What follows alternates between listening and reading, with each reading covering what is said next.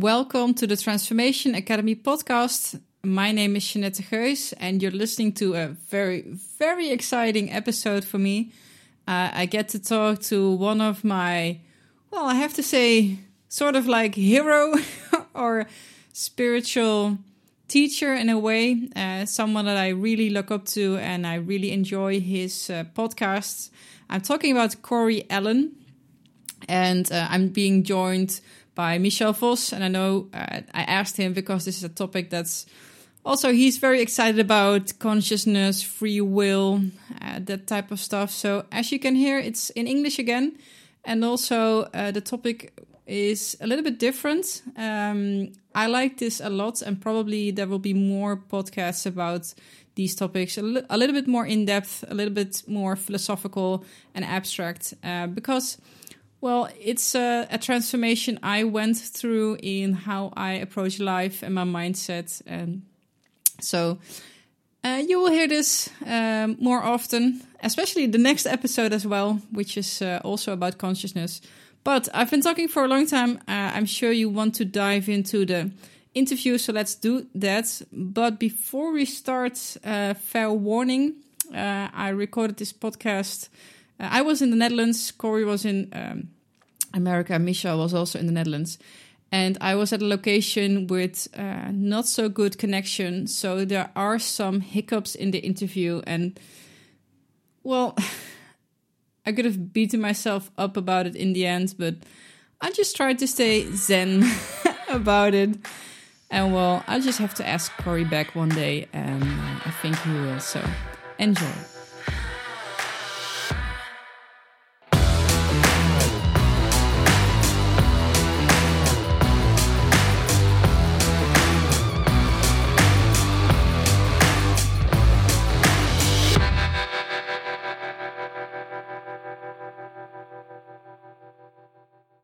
Did Did you all uh, see the one in uh, Texas from yesterday or the day before in the news? Yeah, I've read about it. It's about an hour away from where I live. That's that must be so weird to realize. You know what's fucked up is that it's not. it's like really? they're yeah. I mean they're they're so. It's kind of kind of bizarre that they're so commonplace these days that. Mm I'm just kind of like, well, there's another one. And I'm in Austin, and you know, uh, South by Southwest is a massive music festival. Mm-hmm. I'm not mm-hmm. sure if you all are familiar yeah, yeah. with that, mm-hmm. um, but basically, like three or four hundred thousand people come in for the for the week or two weeks uh, to the city for that. So think of three or four hundred. It's pretty pretty insane.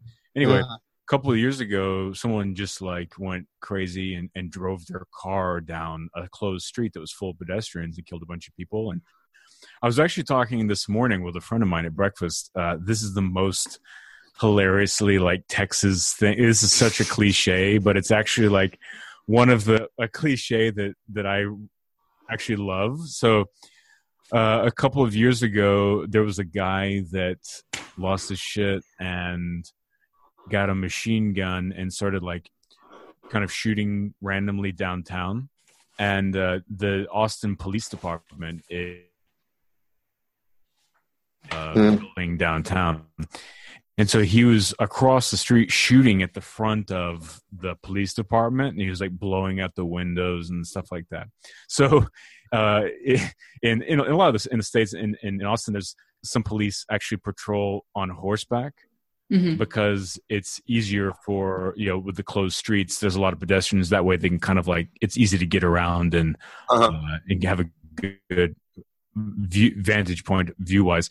Anyway, so this officer was actually putting away his police torch. So in in one hand he had the reins of his horse and he was standing there. This guy opens fire across the street with a machine gun with the other hand, this officer pulled out his pistol and shot the guy across the street and killed him with one single shot. So he's fucking holding a horse with one hand and just pulls his pistol out and shot this guy In, in Just my head, this guy was and wearing a, a cowboy hat Uh-huh. and he had a revolver because this is the most American thing I have. yeah. hey, that makes both of us. Like I was hoping to say, as as little as I like the cowboy, like you know, uh cliche, I was like, I so hope that guy was wearing a cowboy Yeah. hat. and, and as you said, cowboy yeah, boots revolver. and a and a big buckle. totally, totally. It's like the one time where that cliche is completely Mm. badass. Yeah. Hey, but uh, you said uh, you didn't lose your shit over the fact that something terrible like that happened so close. Um, Mhm. Is that because it's really so commonplace? Because we look at it in the news and we saw, see all the stuff happening, but at the same time, in Europe, we see an increase in terror attacks. And uh, one of my buddies uh, who lives in Barcelona, who uh, where they recently did some nasty stuff on the Ramblas, It was very close to that one, and that made me realize, oh man, this shit is really getting closer, and it made me a little bit paranoid about that. There's nothing of that going on in your mind. No, I mean, think about you know, I I'm 35, and so the first massive, um, you know, international shooting incident was Columbine in Colorado, where Mm. I'm sure you guys have have seen that. Yeah. Uh, and so that was, you know, even at the time, I remember it was kind of surreal.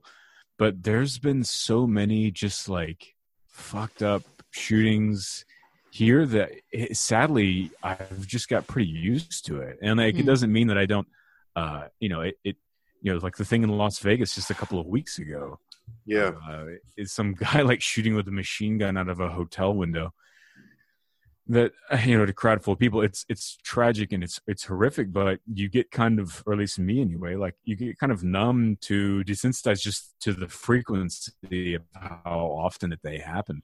Um, Mm. and so combination of that and also um uh, my issues and uh, acceptance of my own mortality Yeah. i think maybe Yeah. is why i don't feel you know but but mainly mainly i think it's just um you know it's i think it's just the frequency are we when are we going to start the podcast is this Yeah. the podcast this is the podcast. okay now we're just gonna talk about uh, shooting people in the states and smoking pot in Amsterdam, and that's it. No. no. yeah Yeah. Well, um let's say your name correctly is it janet Uh, yeah, that's Is correct. Most Americans or English, they they uh, struggle with it a little bit, and they say uh, if you pronounce it, they say S Janet. They, but I think you, you say it correctly. Uh, in the Netherlands, you would say Jeannette. yeah No, but Janet. Uh, sounds like an Altegra album a what kind of album? yeah. Altegra Um, well, it's a good uh, way to kick off the podcast then uh, officially. so uh, welcome, Corey. Um, really, really happy that you're here. Uh, would you mind introducing yourself for the people that do not know you? um sure hi i'm corey and um yeah i have a podcast called the astral hustle um just exploring the human condition from a variety of di- different angles. Um i am a meditation teacher an author a composer and a music producer. And uh i have a sweet honey bear voice. You do. yeah, no denying that. you get that feedback a lot that you have a pleasant uh, voice to listen to. I, you know what's funny you say that is because literally every podcast for probably I don't know a year people would start that by saying that to me before we started recording like you have a Mhm. great voice it's funny that like to tell someone what they already are like it's you see someone who's tall like wow you're really tall Yeah, yeah. it's like yeah sure sure am I was you know, but uh, I think I mentioned it enough like on podcasts where I would say that people say that to me that people got the idea like the message that oh yeah he probably is aware of that yeah. Are I, you- I do I do appreciate it's sweet that people say that Yeah, and probably they they like your laugh as well. Yeah, well, this is also a funny thing. I was just talking about this yesterday. Is that like I I tend to laugh at the things I'm saying, and I see people comment on it, or people like send me little messages where they say, "Oh, I, I like your laugh," because it's like it's uh, I don't know soothing or like something like that, or it makes them mm. feel warm and fuzzy. Uh, but I saw this comment recently where someone said, "I don't like it whenever Corey laughs because it sounds like um, he's in like indulging in his own cleverness or something like that." But to me, uh, it's completely the opposite. It's it's that I am observing the arising of my thoughts just kind of like everyone else and so some of the ridiculous things that come bubbles up in my mind it catches me off guard uh, too and so i'm laughing at how ridiculous the river of my consciousness is as i am perceiving it in real time so i'm just one of the members of the audience listening to the corey mouth talk and i hear funny things and i laugh at them yeah that's very that's maybe um, i was wondering about that because you do podcasts uh, do you listen to your own podcasts no no i actually don't really listen to podcasts um, I I listen to like Your Mom's House, which I like that one a lot. Uh, it's completely filthy and like and ridiculous. Um, I enjoy like Bill Burr's podcast sometimes, and mm. listen to Rogan every once again if there's a good guest. Uh, uh, but yeah, that's really about it. Like I I have good intentions with podcasts. Like I'll have you know I subscribe to Sam Harris's podcast and and things like that. And I always want to click on it, but I just never do. Like it comes up in my feed and I intend to, but it's really a matter of like time and and I spend so much like time in the critical thought zone mm-hmm. um, that I think I just reach for things that are funny and that are just light and and goofy and really like my you know honestly at the at the root of my mind is just silliness and like comedy. as it gets filtered through everything, you know, it turns into to like r- rather you know sincere ideas on critical thinking and and things of that nature. But um, yeah, that, that's mainly my engine runs on laughs. mm. Yeah, well, humor is important, man. But the reason because I wanted to know was because um, you you laugh at your internal processes while you're doing them, and I was wondering if you ever heard yourself say stuff that made you giggle, or that you're like, oh yeah, that's so typically me. Because every now and then I listen back to some recordings, and I actually have to, you know, laugh at my own reactions. And I was wondering if that was like a common experience amongst podcasters. Oh, oh yeah, I've done that a couple of times, like where I've, I've I have gone back and like re- reviewed a podcast uh, later to to you know remember an idea or something like that, and I'll completely forget the conversation, you know, because it's if it's a couple of weeks or a few months later, and I'll listen to it and I'm like, well, one, I'm like, I actually sound like I know what I'm talking about, and then two, uh, I will hear shit where I'm just like, what is wrong with me? Like, where did that even come from? mm. Yeah, yeah. I so I totally feel you. I, I definitely I do that too. Yeah. Can imagine. I find it interesting that you uh, sort of dodge the um, uh, the heavy podcast because your podcast. Uh, I did a review of the the kind of guests uh, you have. Mm. It's kind of um, you know it's uh, hard thinking. Uh, mm-hmm. The, the, kind of stuff that you talk about. How did that come into uh, existence? When did you decide? Well, this is my theme. this is I'm at home here talking about this stuff. Yeah, yeah, that's I mean that is what I naturally think about as far as the that one side of my mind. I've joked before about like kind of having my mind broken down into the profound and the profane. Mm. Uh, like, mm, yeah, one, one, one side is you know deeply contemplating the human condition, and the other side is thinking about some ridiculous like shit joke, and so. You know, sounds really like well balanced. yeah yeah, yeah, it is. Um, and so anyway, uh, you I understand that like as far as externalizing things for the public, you know, that I would want to offer out to the public. Um, I know that ultimately, what I find the most value would be it is in the the more critical thinking things. So that's why that's the direction of the show, and um, you know at the end of the day the the philosophical take on things is going to overpower you know what i express as as far as far as the um, over the comical things and so mm. yeah so i mean that's that's how the podcast really came in that direction you know i i was i've always been interested in um, these topics. You know, like whenever I was was born, came out of the womb, had a little beard and glasses and a little you know book on on postmodern philosophy. Um, and, giggling, giggling all the way. Yeah, exactly. Actually, I did. One of the things my mom told me was that when I was born, and the nurse was holding me right after I was born that I peed in her face. and I was like, that's a pretty apropos, you know, just yeah. type of symbolism there. anyway, um, so, you know, just all of my friends uh, have seemed to be interesting. And I always have these, you know, in depth, uh, interesting conversations, exploring different ideas and just things that are coming up in my mind naturally throughout the day. And so uh, one of my friends, uh, Aubrey, has a podcast, and so I started. He asked me to come on his podcast. I actually uh, was the first guest on his podcast because I helped him like set up his gear, and then we like did a test, and then mm. that was his first guest. And so then I just kind of would make these appearances. Now uh, I don't know. I've been on there like fifteen or twenty times or something, and uh, at, over the years of doing that, you know, he, um, he has a, a big audience, and so his uh, fans, followers started connecting with me on social media and saying like, "Hey, you should really start your own podcast." And so, mm. after a couple of years, uh, by overwhelming popular demand, no, no, just you know, enough people hit me up, and I thought, you know, I have all these cool conversations with my friends. Uh, it might be fun to just share them with people. Mm. So I started doing that, uh, and then of course that branched out to getting guests and, and things like that. Yeah, hmm. you did do the binaural beats for him as well.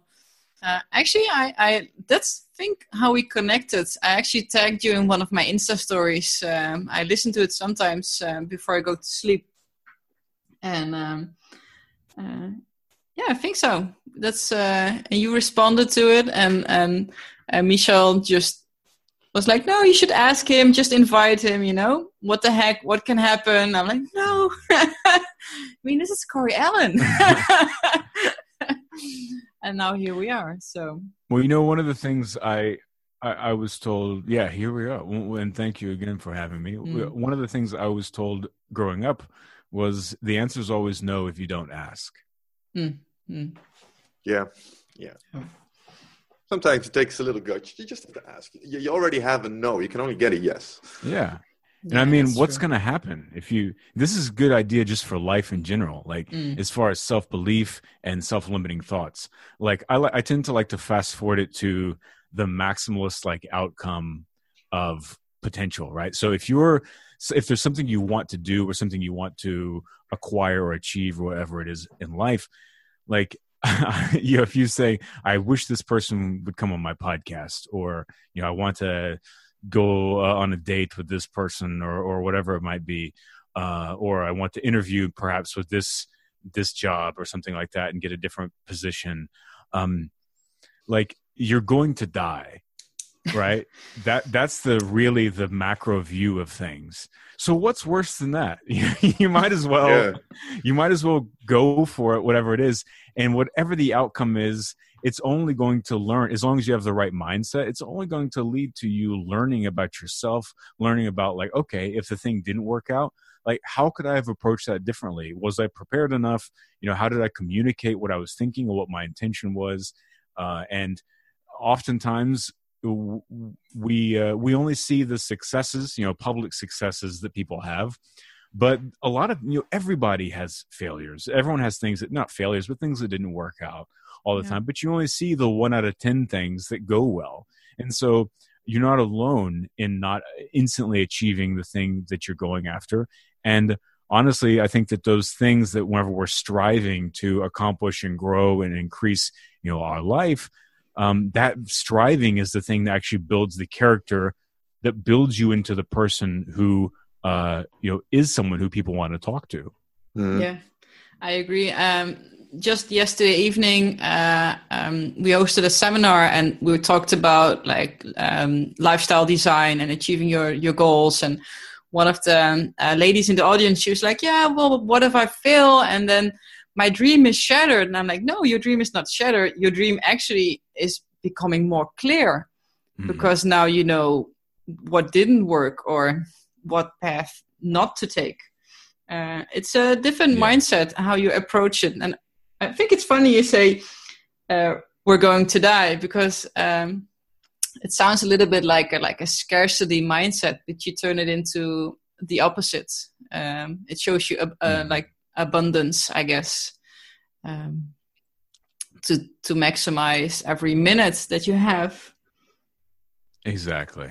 Yeah. Exactly. Yeah, and I mean, like I think that pe- there there is an odd hesitancy and fear that people have, and and some people call that a fear of success, which like I'm not so sure about that, or maybe it's just me that I don't fit that you know that that uh, paradigm or whatever. But um, I don't know. I feel like we have basically we have the the luck of being a wave of consciousness that slipped into this weird fleshy meat suit that's floating in the middle of infinity, right? Mm-hmm. So that's that's a bonus. And so we and we're our intention and our our mind is existing in an ocean of chaos and we have such this limited moment of time to be able to experience our own awareness of our awareness mm-hmm. and so we might as well go for it and try and enjoy and really don't give a fuck and just try and you know live the our dream life because why you know why in the world would you want to look back and think I should have done this. I should have, you know, tried to live my life in this way, or I should have. Uh, I wish I would have gone to that for that thing because I think that that's really what like hell is. Is hell being is being on the cusp of death with a mind full of regrets. Mm. Yeah, very powerful. Um, I totally agree. And what made me thinking is also um, how did you develop this this viewpoint? Because it's um, I think it, it's not the mindset that most people have. Actually, not not most people that well that I mm-hmm. uh, come across. Maybe I should pick uh, pick my surroundings differently, but um, because most people do. They don't live in the now. They live in the in, in the past and look back and what if and I should have or and, and then in the future as well. Um, I want this or I need this or it should be different. Was it something that was like inherent in, in your personality or how did you de- develop this? I think what I'm asking is how did you get I into think... into meditation uh, in a more broader sense? Hmm. Well, uh, so how did I get into that that I suppose fearless mindset is is yeah. the way I would look at it. And it's not fearless in the sense of like warrior eh, co- cockiness or something. Mm-hmm. It's literally just the acceptance of my own mortality, where it's like, all right, well, here we are. like I might as well. Like there's nothing to lose. Mm-hmm. The only thing that there is to lose in life is your own illusion of your self identification. You know what I mean? So whenever people have fear of going towards that job or that date or like living their dream or whatever it is that they're trying to do that they're worried about being denied on, nothing is lost except for your own idea of who you are. So if you have as far as your ego goes, if you're you know gently manicuring and protecting your ego from getting some type of uh, you know information that might tell you that you're not perfect or that you're not this godly type of deity, um, then that's going to create fear because th- your ego is challenged whenever you become rejected. But if you understand that, like you you are uh, a that your ego is this this uh, you know normalized thing across the the species of all humans. You know, we all have these our our pluses, our faults. We all have the good and bad sides of who we are and what have you. Mm. And so, um, you know, getting rejected or or or whatever it might be uh, is not doesn't matter. Like it doesn't matter unless you're fragile. You know, unless your ego is fragile and you're you're attached to it so much that um, that that that rejection is going to challenge your own idea of who you are. Mm. So I think that that's why it doesn't I have no problem with those things. Is just because I've spent the time working on and um, accepting the fact that um, I am just a you know little uh little uh juicy meat pod flowing through time and space you know? And it's no big deal. And that life you know it's just as it's as, as fun and uh as free as you allow yourself to be you know? Like the the clinging and the the tension and the the anxiety and the worry of daily life is all self-imposed. You know? It, mm. it's the expansion comes from an awareness of the clenching of one's own mind and body. And that clenching comes from fear of the future and, and fear of uh, the our self-identified image being smashed up against unarguable reality you know? Mm. like cheese moving through a cheese grater. And you know so that's what you have to wrestle with. But once you wrestle with that shit then you're all good. You're you're impenetrable because there's nothing to penetrate. Mm. There's simply just the acceptance of what is. Um uh, but oh please go ahead. No no no, no i was just um what what i uh, well as a i don't I don't know how long I've been meditating, but um, it feels like you have this in the beginning, this little moment where you totally feel this and see this and have these aha moments. And it can it can happen to me when I'm listening or to like a uh, a spiritual teacher or some podcast or in in my own meditation or actually I, I like walking meditation also as well. I'm like looking for little moments in the day to just focus I particularly like to focus on my heartbeat instead of my breath uh, because it makes me feel mm. my body even even more, and then I try to feel uh, if I'm st- under stress or not. But you can check in with your heartbeat to see, like, okay, how am I doing? and um, yeah. um, that sounds like a great love song too, by the way. Check in with your heartbeat. I, I, it probably is a song if, if you, can, you, can, find something on Spotify. I'm sure. um, yeah. This should have been made. oh, I know. It's uh, oh, oh, babe, I'm feeling the heat. Let me check in with your heartbeat. And there we go. Instant classic. You're a composer. anyway, I'm sorry. So you're checking with your heartbeat. That's really cool. yeah, I like that on on the walk. Yeah. yeah, and also uh, like when I wake up, or uh, like when I'm still in bed, or trying to go to sleep, or just little moments in in the day, and this this state mm-hmm. of consciousness that you talk about, it seems um, to me at the moment quite unstable. So sometimes it's here, and then you get lost into normal routine and normal life. And how do do you manage this? Is this like a state that you're like constantly in, or uh, did it did it grow? I was uh yeah, I was kicked in the head by a horse one time and ever oh. since then it's been smooth sailing. Um, no, hold on. It's, it's something yeah. I'm running outside now looking for horses that can kick me.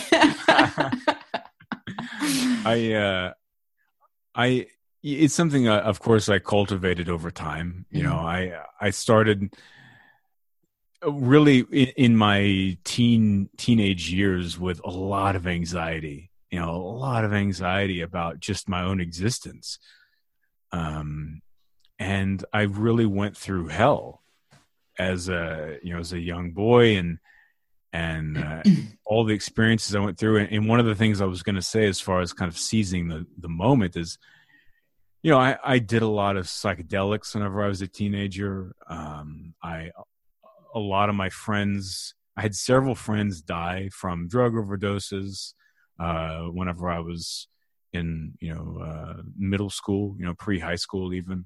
Mm-hmm. Um, I, you know, my my father died whenever I was twenty, you know, out of nowhere. Uh, so I, I had a, a, lot of death, you know, that I was close to. Um, I remember watching my grandfather die as like a little boy you know all these things and just kind of seeing the uh, and just a lot of other really extreme life experiences happened to me pretty young and what it did was uh, it really put a punctuation mark on the finite nature of our own existence. Right. Mm. So it showed me that like this thing has an off switch, and um, what really matters is what you do now. And the more that it made me um, become driven, and, and also you know having a single mother. You know, my parents separated when I was really young, and so basically my mom was just like clawing uh, mother and I, and it was like we were both complete, you know, maniacs. And so her trying to raise two boys and just like working crazy hours all the time just to make sure that we had a place to live and have food and all this stuff. Watching that made me really respect the grind and the hustle and and how hard she worked. And it showed me that like if you want or have to do something, then you have to you know you have to really grind for it and you have to go for it. And um, i feel like the combination of just growing up in those circumstances plus uh, you know just a lot of other extreme experience uh, made it to where i realized like the time is now. And because you know we've got one life and if we want to do something it's not going to happen to you. You have mm-hmm. to go do it. And i think th- both of those things mixed uh, and and in my you know I, I, did have a natural proclivity towards thinking uh, larger. And uh, you know there's a lot of i could sh- share a couple of little stories that point to that that are uh, sort of cute. Uh, whenever i was a little kid i remember thinking uh, that like santa claus was bullshit. And so i asked my mom and i'm not sure you know in, in europe if this is a thing but you can go and like talk to Santa Claus in America. They'll have like at the mall or something. They'll have like a little thing where you can take little kids and they can go talk to someone dressed up in a Santa Claus mm-hmm. costume. Mm-hmm. So I told my mom I wanted to go do that, and um, she said, "All right." So I told her I wanted one thing for Christmas, and then whenever I went and talked to Santa Claus, I told him I wanted a different thing as a test to see which one arrived on Christmas morning because I thought, you know, I was like six years old or something. As a test to see which one a little empirical evidence. So then, whenever the one that I told my mom was what showed up, I was like, "Uh huh, this is bullshit." Yep. Um, and then I would do things like whenever I was at school, like waiting for my mom to pick me up as a little kid. I would like watch the cars coming in uh, the driveway area, and I would say like, if there's a God, the next one that comes will be my mom. and like, no, that's not it. I'm like, all right, now this time, if there's a God, the next one that comes will be my mom. And I was like, no, that's not it. Anyway, so I always had this, you know, kind of way of thinking to a degree. Um, I have a question about that, though. Please. Um, uh, was that uh, something that uh, I mean, did you notice that that was something different in relation to the kids your own age? Because I don't get the feeling that this is the common six-year-old experience figuring out the scientific method by yourself. You know what I mean? Yeah. yeah no. Um, I, I, I, was always so in my own head mm. and, and, like still kind of remain to you know to, to a degree to be that I never even really wondered or it never occurred to me to even ask someone else if that was uh, normal. I, I just talked as if it was. And then a lot of that stuff I just simply didn't share because I don't know, it was just like my own internal measuring thing that I was following and interested in. And uh, yeah, well, I wasn't really too interested if other people were sharing that experience or not. Um, yeah, so it's interesting. It's actually a, topic I've been contemplating a little bit uh, recently. Uh, I just did a, a meditation course, um, a, a small like a retreat, and um, mm-hmm. he made us uh, do a couple of exercises um, to make us. Well, we'll just call it aware, aware of your consciousness. Um, and uh, one of the takeaways was, well, don't try so hard. and mm-hmm. I'm uh, I'm wondering like okay I think I am aware but how do you know like if there's not some state that could be even more aware um oh it's difficult to explain because it, it seems like some of the the exercises you do is is to observe your own thoughts. Um, mm-hmm. And I feel like I've been doing that for almost all my life, um, or have that capacity. I don't, I don't know. It just comes natural. And then you try, and then you do those exercises, and you try to observe the observance of your own thoughts. Like, okay, am I now digging too deep, or am I just not? like doing it correctly like but you can never know but you can never ever look in someone else's head like okay let me see how is this for you for you like right. is it like uh, and I, I, sometimes i just wish that would be possible like just to check like okay which level of awareness or observance am i am i at or is there is there more to it than this well, um, um, I know what you, I think I know what you mean, and I would say that there's always more levels of awareness. Uh, if you ever feel like you've reached peak level of awareness, then you that's a for sure sign uh, that your ego has taken control over the mainframe of your operating system. Because there's always more you can be aware of. Think of mm. even just knowledge, you know, because like the way that we think of things the way that we conceptualize our ideas which ultimately create our our consciousness is based in symbols right so mm-hmm. we assign meaning to symbols and that symbol represents things in our life and the collection of that symbols creates the picture of our consciousness and how we relate to the external world.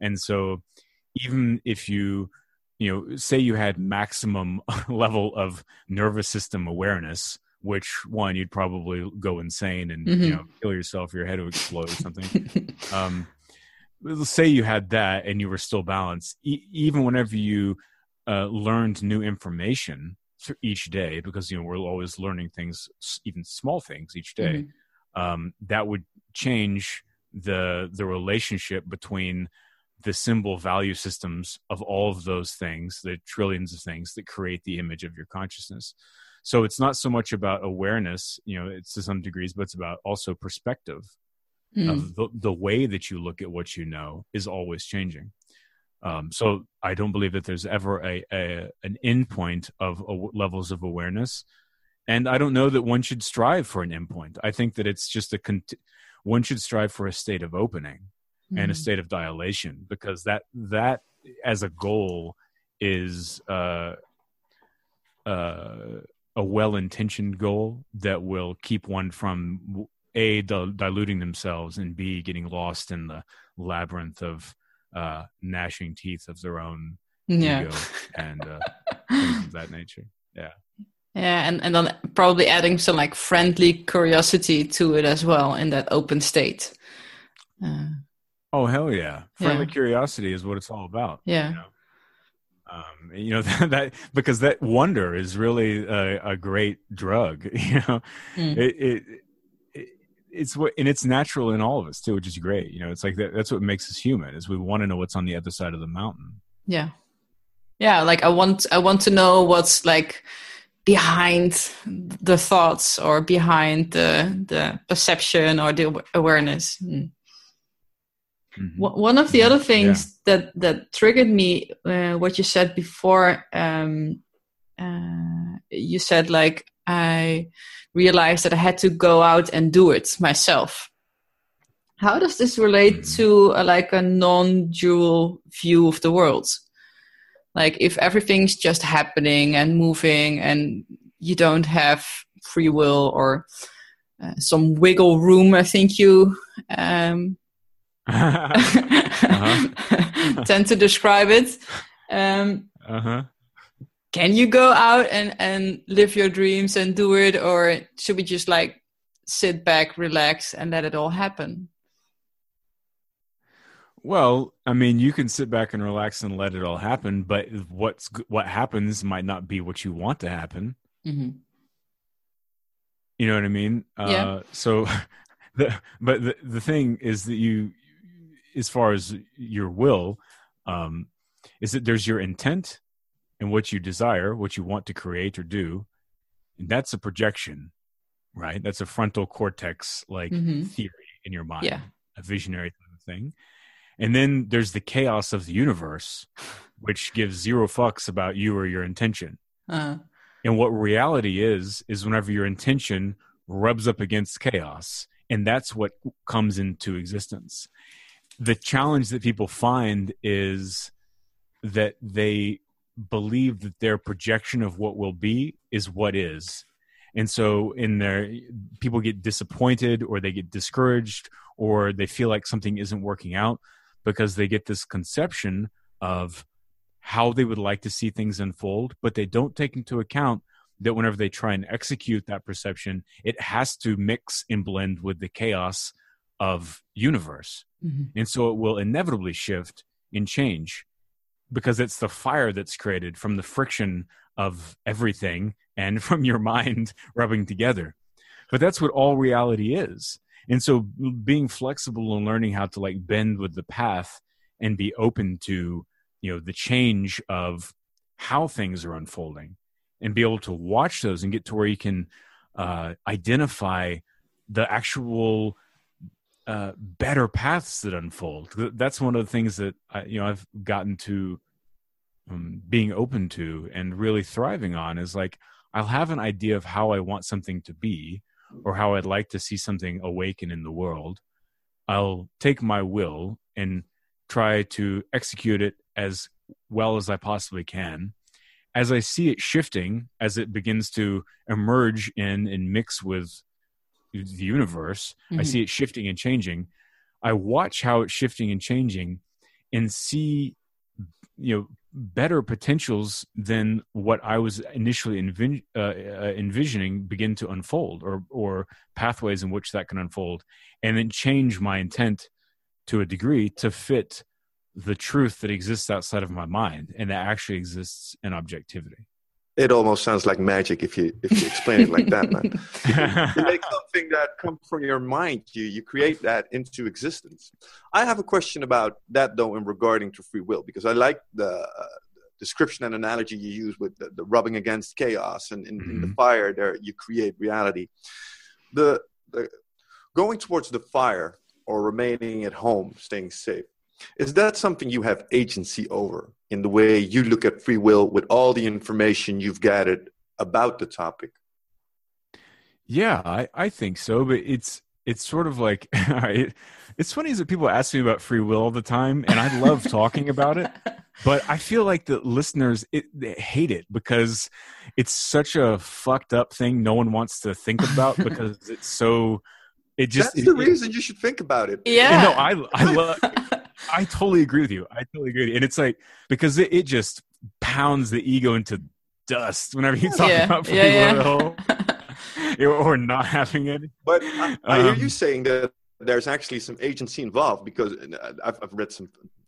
I've talked a lot about free will, and I've landed on the determinism you know outcome it's like the, universe the universe is a deterministic universe uh-huh. so yeah goodbye ego but i'm always looking for that like i heard jeanette say wiggle room and i'm very curious about your your view on it because if there is some agency oh my ego would love that you know? oh well, well allow me to to serve your ego up a, a tasty morsel so so I, I think that there's um it's both and I know maybe it sounds frustrating, but I think it's because there is we are we are living in a, a deterministic universe, but we can choose our choices within that deterministic universe because like look at it eh, like this. So everything's chaos but you can guide chaos. If you you know it's like a sailboat in the middle of the ocean. It's all just unfolding and happening but if you put up a sail you can you can begin to kind of guide it in one direction um, that's as far as the outside of yourself goes with, with your your body in in the world. Because we have a a finite number of like neural synapses and past experiences and ways that we can you know based on memory response and knowledge and information and all these type of things that we can use to make decisions. Um, but those decisions are the true behaviors from our culture, parents, mm-hmm. free will. Just as whenever you're painting a, a painting, you have these blobs of paint on a palette that you can put your paintbrush in and paint with. Now, that palette and those blobs of paint on the palette, that's your mind. So there's a limited, uh, you know, n- number of choices there, but there are choices that you can make based on what's on that palette. So mm. you can paint whatever picture you want, but you only get to use the paint that's on your palette. Is it like, yeah, you know, we are within a deterministic universe. However, we can choose our choices to try and change the sail of our sailboat. And by your decisions is largely influenced by all these other factors. Like, for instance, what you ate that morning mm-hmm. can have an effect on what you decide to do later on in the day. Um, and when you start looking at those things and really start, you know, letting it sink in what that means, um, that's where I where I walk into the mind fuck of, well, I don't think I'm as free as I think I am. and the only real evidence we have for free will is the fact that it feels like free will. But you know that might be something that the mind makes up afterwards and if you talk like or if you listen to people like for example sam harris or neurosurgeons they all tend to go that way a little how mm-hmm. do you balance that out if you think about these things Oh yeah, no. I, my theory is that we the alien invasion doesn't coming from. And please take it. This is a joke, just for mm-hmm. anyone that I don't want to take me seriously. the alien invasion is not coming from outer space, but it's coming from inner space we're expecting it you know aliens to come from ships and uh, coming through the sky because we anthropomorphize the universe but really it's the flora in our stomachs uh, are all communicating yeah and, and, taking control of each of us so they're coming from within us uh, and controlling our minds and then communicating psychic, psychically to each other from one gut to another until they're growing and growing. That's why the population of the human race is expanding because their mind controlling is making us all increase the span and the amount of humans on Earth so there can be more receptacles for flora. And then once there's enough flora that can latch on to the actual Earth itself and thrive, it will discard the vehicles, which are humans, that are necessary. And then the Earth will be one giant bountiful ball of bacteria. That sounds like a horror story, man. but but really, yeah, it is so bizarre, man. Like what you're talking about, and I do think about that, or at least my stomach makes me think about that. Yeah. Um, in that, yeah, like these studies of the some of the more cutting edge neuroscience, uh, and, and this is sort of why on my show I've I've started bringing out a lot more neuroscientists and things like that. Mm-hmm. And as a side note to this side note, one of my favorite pastimes is asking neuroscientists what a thought is because they mm-hmm. all go it's so fucking weird to like predicate your entire life and like two decades of a you know academic career around thinking but the thoughts they're not exactly sure what they are so it's like here's all this research and all these books and like decades and you know walls of degrees around neuroscience cool so what's the thing that's the foundation for your entire life of study uh, I'm not really sure right now, you know. So I like asking what the thought, but but it's also just fun in general because I'm curious. So every time I ask them like, "What is the thought?" They're all like, "Uh, that's a good question." Which whenever someone says that's a good question, oftentimes you know that means they don't have an answer, and that's uh-huh. a stalling technique for them. It's like a nice redirecting um.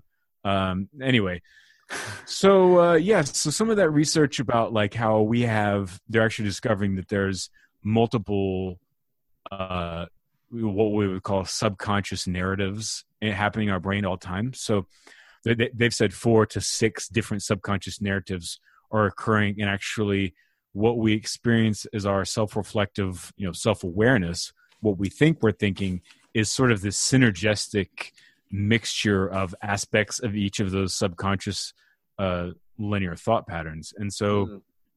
like an example I use that that I often to explain that is I've taken this out of I think it's in Sam Harris's Waking Up book. Was he, he's talking about this very thing, and um, he's saying how you know you could be sitting there and you say you've quit smoking and you're sitting there and you're you're kind of wanting a cigarette but you're trying to be good. And then you think you know this store on the corner down here has like the best apples. I'm gonna go get one of those. And so you go down there and you go to the produce section and you get an apple and you have a lovely apple and you're going to the, the cash register.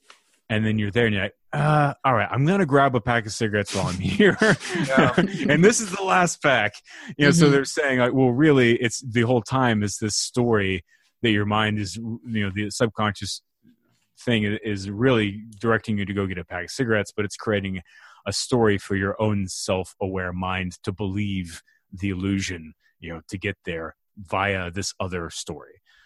Mm. So, man, it's the, really the conclusion is that it's just we don't know. You know, we don't know. I, th- I think that's what is being worked on right now, as far as how our biology is controlling us, and as, as far as how that relates to our free will. Uh, man, who the fuck knows? I think it's. I think that nothing is ever black or white. I think it's always going to be this. As as far as these things go, I think it's always a, a mixture of a lot of different uh, imperatives and uh, happenstances, and mm-hmm. so I I think that it's uh yeah man it's it's this huge combination of just question marks and mm. intent.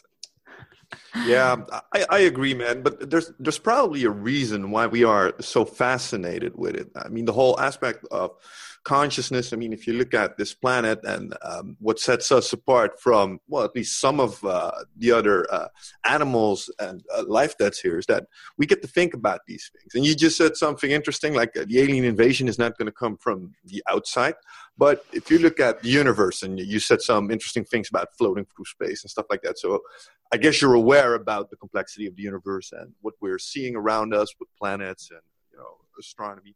How do you look at that like um do you do you believe that we might be you know uh, are we special in the universe or is there more consciousness out there like us? How do you feel about that? Well i don't think we're special in in a, a sense of um like coziness warm and fuzziness. I think mm. we're we're unique in the sense that well as far as we can tell we're the only thing like us within arm's length throughout the cosmos right mm-hmm. now. That's unique, but also like ants are really unique too, and so are you know like uh, cows and and you know oxygen and carbon. Those things are unique too. So it's like we're as interesting as all that stuff is to me, and as unique as all that stuff. Uh, you know, I, I don't think there's anything particularly special about humans because the value system that we base our specialness quotients on are created by us. So therefore, of course, will be the most interesting. But I think if you asked uh, a Komodo dragon what was the most interesting thing, it would doesn't give a shit or even recognize that humans are a thing. Mm. It's like, oh, there's a warm thing I could bite real quick and poison and then eat alive, like I do mm. other warm things that I see. Um, and, and um, we're back in at the beginning uh, when you mentioned we all we are all just like um, projections maybe of, of just consciousness or um, not projections um, I probably said something like we're a wave of consciousness trapped in some little meat spacesuit. Yeah, but and, and the rest of, the rest of the world as well. All it's it's um uh, oh damn it. this, see when I get when I want try to make a smart comment and I'm lost for words. no, no, it's all good. And I, you know, honestly, I I think that the simplicity, and, and this is you know a, a, laugh coming from me. I uh-huh. think simplicity is often the wisest you know way of things, and so. I look at things like saying "damn it" as an exclamation for not being able to think of what to say is actually one of the the most richest and incomplete philosophical uh, descriptions of the human experience. Yeah, that's that's a very zen thing. You know, just be, like, damn it, that's a, that is a, a beautifully uh, zen statement. One one of my favorites is is uh, I was talking about this recently as far as zen goes, um, and, and and it illustrates, I think, maybe what you were getting at is and let's see if I can remember this properly, but I think it's translates to like frog jump, pond, plop. You know, and that that's really what existence is. It's just a happening, you know? And I think that's that's maybe perhaps where you're going with it. I was really hedging my bets there. I said maybe, perhaps, um, where you were going with it. Probably, is, uh, yeah. yeah. hopefully, probably, maybe, hopefully, per, perhaps, uh, where you're going with it is mm. that yeah, we're all just, it's all just here. Yeah. And so, as far as back to um, uh, the other question is like here-ness in the context of the cosmos. Um, yeah, it's interesting that we're we're these little you know pink monkeys uh, that are aware of our own existence. That's pretty interesting. Hmm. Um, but what are your guys' thought on the origin of the universe? Well, that's no small question, but well, is this the small we question podcast? No, no, it isn't. No. we also haven't been easy on him, so it suits you to like uh, ask us as well. Yeah, you can only fall back on uh, uh, questions of that magnitude. You can really only fall back on what science has, you know, sort of discovered. And if if I look at uh, what we know about, for instance, the Big Bang and stuff like that, and the complexity of the universe, then, hey man, I don't know, but it's all a little too perfect if you if you ask me. You know what I mean? I agree this particular universe has a configuration that allows for this kind of consciousness to arise. And I've been told that the particular settings you need for that are so unique that, for, for, example, for example, if suns would only convert helium uh, a little less than they do right now in this universe, there would be, uh, I believe, no iron or something, or something very critical for life. And um, either we're very lucky and we're sort of uh, an iteration here that this happens all the time and we're just in uh, a good one, or uh, mm-hmm. it's sort of by design, uh, which could be as well. And I'm a sober guy, and I don't know if I believe in a God per se, but if you look at all the variables, well, it's, it's pretty special. Mm-hmm. I agree. I, I also think that as far as a God goes, I mean, the fact that people would think that that a, an omnipotent being would look anything like a human is just a testament to people. Mm. yeah, our arrogance. uh, it's going to have a face, and, and, you know, having a face is a very human idea. And the beard. Um, and the beard. That's that's why. Obviously. Yeah. yeah. Um. Yeah. My. You know. I. I have. I. I the Big Bang Theory is fun. I I like it. It's pretty, but it, again, it's like you can get into the Infinite Turtles thing with that. It's like, well, what was before the Big Bang? I mm. I did put forward a a, a I posited a theory of the behind the curtain, like what was before the Big Bang one time. Uh, happy to share it with you real quick.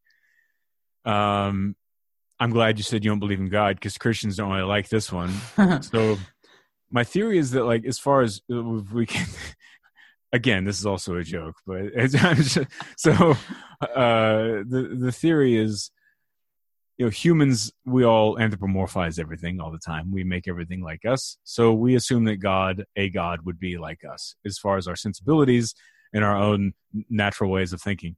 So mm-hmm. picture being a God, and you're in this infinitely black space of the universe, or outside of the universe, or something and you think, well, I'm omnipotent and I can do whatever I want. So they're hanging around for I don't know 10 trillion years or something like that. You know, and, and if we're looking at uh, at human behavior and it's a guy, we, you know, we can probably get a good sense of what he's doing for, for a while out there.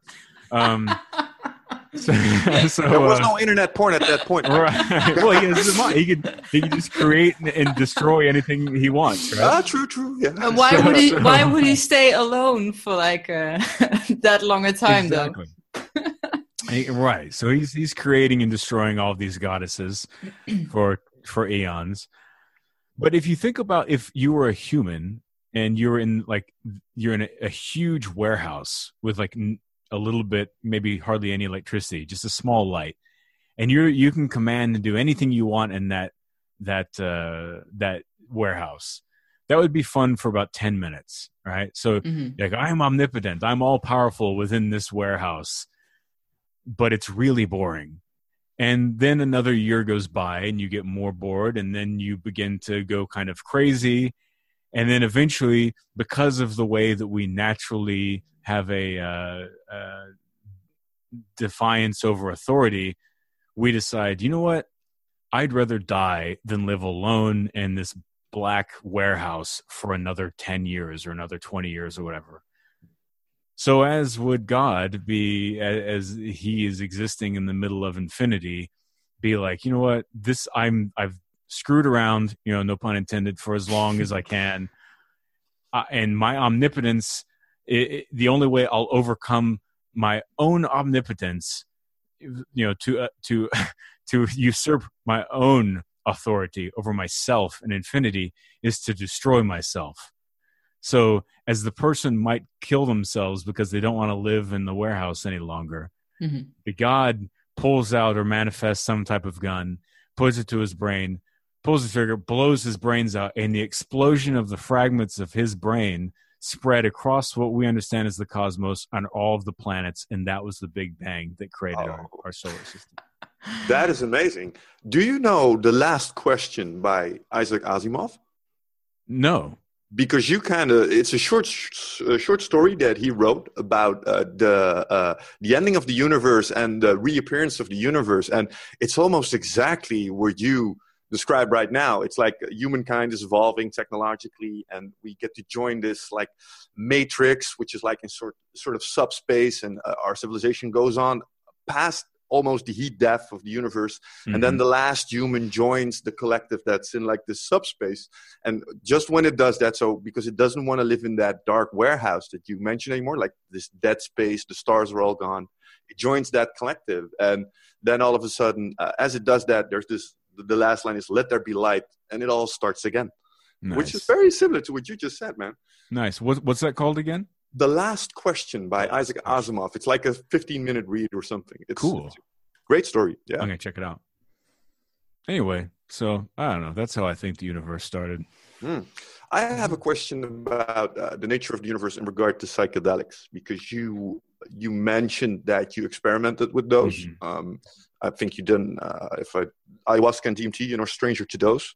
Um, I always wondered the DMT and the psychedelic experience. Are you tapping into your own subconscious, or are you actually tapping into something? Uh, well, that's uh, another one of those questions that are you know it's it's open for interpretation.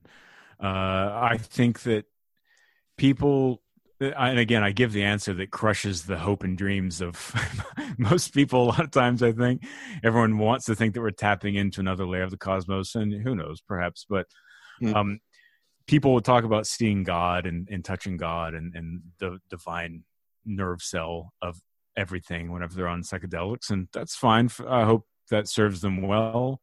Um, my take on that is that if you were able to like you're trapped as far as your own mm-hmm. mind goes and what you can experience as a human being by your own nervous system mm-hmm. so to experience a god that's outside of yourself isn't possible because the thing that is generating the story of your consciousness which you're able to be self-aware of is the mainframe of your nervous system so it isn't possible to experience objectivity outside of what is the thing that's creating an electrical impulses that creates your own awareness of what you're experiencing.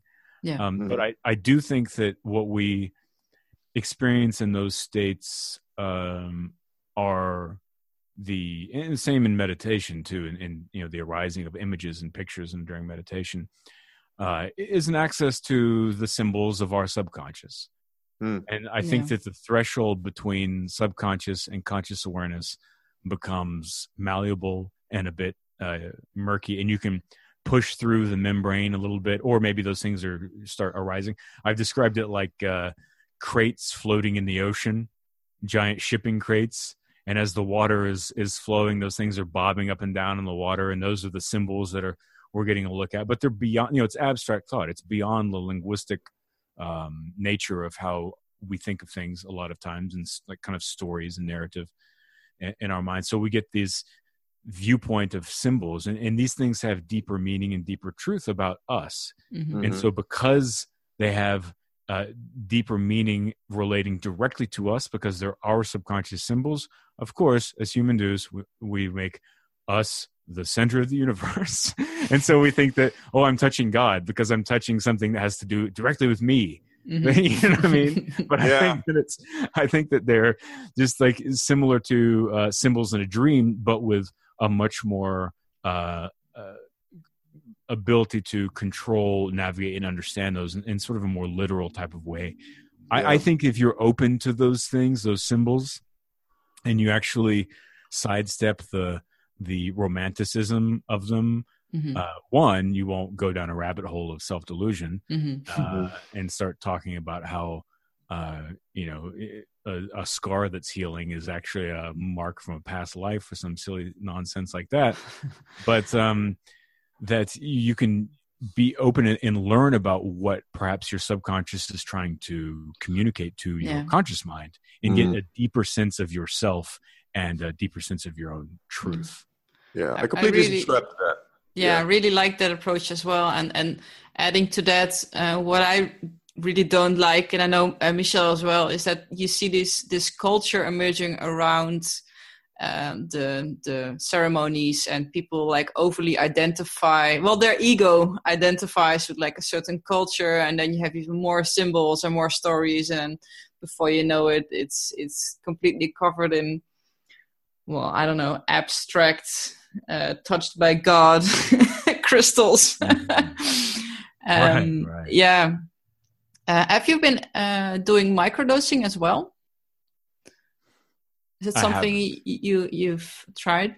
Okay. No, I, I I haven't done that. A lot of a lot of my friends seem to like that. Uh, I'm really I'm pretty uh, yeah I'm I'm not really like as frequent with most mind altering things these days.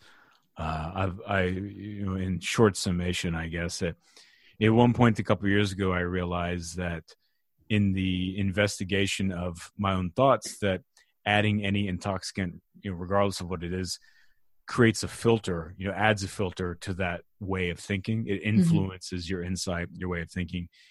And really, what I'm trying to do is just kind of Indiana Jones my own consciousness in the most raw and uh, direct way without any romanticism or filtration whatsoever so that I can understand myself more deeply, understand the way I think, and then ultimately under, try and understand our world and my my experience of it. Uh, and so, yeah, I, I, I, like to try and get the raw story, you know, from from the brain there, and and not that those things don't you know help or, or don't have potential to help uh, someone opening some of those doors. Mm-hmm. But I, I do think as for me anyway, I understand what Alan Watts said, whatever he said, once you get the message, you should hang up the phone. Mm. And yeah. you know, every once in a while I'll I'll I'll enjoy, you know, those things mm-hmm. just for recreational purposes. Yeah. Um, now that being said, I do I do have a, probably a drink every day, which always confuses people. Alcohol. Yeah. Yeah, well, why not? Pick, pick, pick, your poison, right? Right, right. What's a plant medicine? yeah, it's made out of corn. One one thing I was wondering about, though, in regard to the uh, psychedelic experience, and uh, like I said, I totally subscribe to your view on it being a, probably manifestations of your subconscious, and I really like the vision you sketch with, uh, mm-hmm. you know, the bobbing of the containers. Um, one common experience that people do tend to have, though, is this non-dualistic thing of ego dissolution and realizing, like, you're part of a, a, a bigger thing than just you as a as a human. Mm-hmm. You know, the, the sense that you're part of, like, you know, tribe Earth is, is that something or like a phenomenon that you recognize and that you perceive as valuable for, you know, the next step in humanity? yeah. I mean, I think it's valuable, um, but it comes with, it often comes with a new set of problems because mm-hmm. uh, once you get a, a bit of vision outside of yourself and you see yourself from the outside a bit, then you move to step right up to the next phase is dealing with your own ego and your own place in the universe mm-hmm. mm-hmm. and that's a whole nother uh, part of the path and this is actually what in my book the, that i just i just sold uh, and i'm finishing up called now is the way it um it addresses that it, it, it doesn't tell you that it's doing it but the, the the flow of how it goes is in my own experience of these things um, of what's necessary and what you'll need in each step as you're doing this peeling of the onion. So it's working on the subconscious level uh, of like, okay, and now you get a sense of outside of yourself, but now you need to address your ego. And as you address your ego, you're going to need to learn to how to plug your compassion into that. Mm-hmm. And then some meditation and mindfulness techniques will really help you balance all that out. Mm-hmm. You know, so it's intentionally, you know, taking you through this helpful path of what the next steps are. So yeah, it's super helpful to get an you know an, a, sniff of a world outside of yourself, uh, but it often asks another question of you. You know. Yeah. So something I've been wondering about, also in relation to these bigger questions we have. You said something that really resonated with me: that the universe or nature gives zero fucks about you, right? uh-huh. I agree with that. I'm I'm seeing this um, tendency in people that delve into these topics that that you're into, um, that they lose something in terms of violence and aggression. Is that something you you would agree to? Uh, if mean, you get more mindful and more conscious that, that, that, that, there's usually an element of aggression and violence that seems to like seep away with these people. I think, I mean, not to generalize, but I, I would think so in my experience. Yeah. You know, right. Because you can, you know, the more you see outside of yourself, the more you can understand others and empathize a bit more.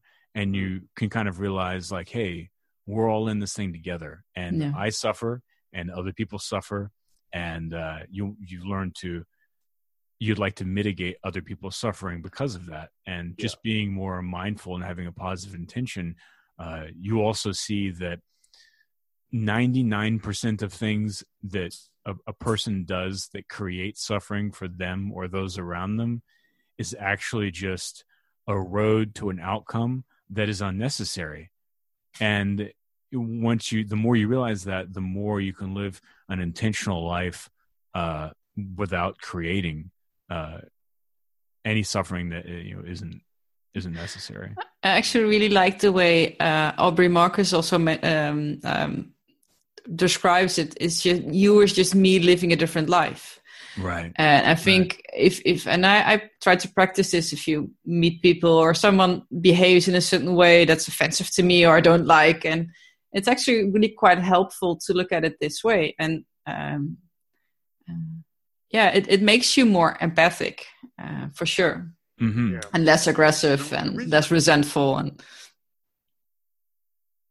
yeah, totally. that, those all sound like very uh, uh, very uh, noble but the thing i was wondering about is that is it actually a, a beneficial strategy if you if you think about the fact that the universe is, you know, it gives zero fucks, and with like you know uh, being less aggressive in a world that kind of you know rewards that if you um, look at our economy or how nature works. I mean uh, alpha males in for example a wolf pack they uh, I mean, they have to have a certain kind of aggression, and there's all kinds of threats from nature that you know we used to resolve with aggression, not to say tribal warfare and stuff like that.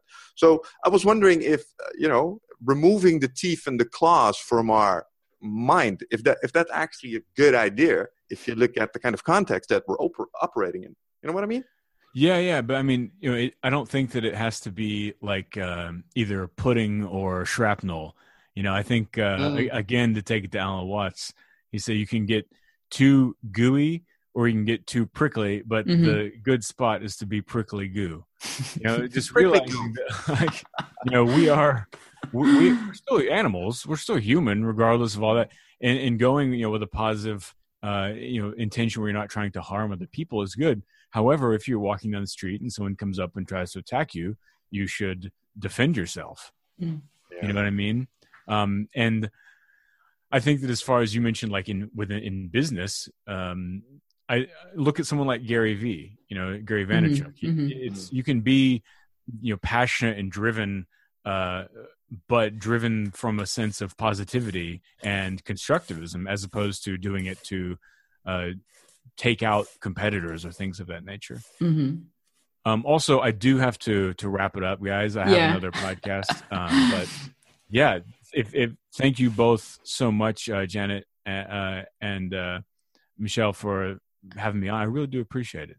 Well, thank you too. Um, it's been an honor to have you here, and I really uh, hope if you visit the Netherlands, uh, come swing by and say hi. Absolutely, be be my pleasure. Yeah, cool. man. I had a lot of fun. Yes, thank you. And yeah, I, I had a lot of fun too. Thank you both so much. That's it. Thank you for listening and spending some time with me, Corey, and Michelle. I had a blast and I hope you did too. And if you like this episode, feel free to share with your friends or subscribe to my YouTube channel or to the, your in your podcast app. Uh, there will be an episode every week and uh, it will be in Dutch, but for the Dutch people listening, uh, come join us at the Transformation Academy podcast. Um, also, I would like to thank our sponsors, which are Love Fit Foods, NutraFit, and 12 Waves. So thanks for your attention, and I will speak to you next week.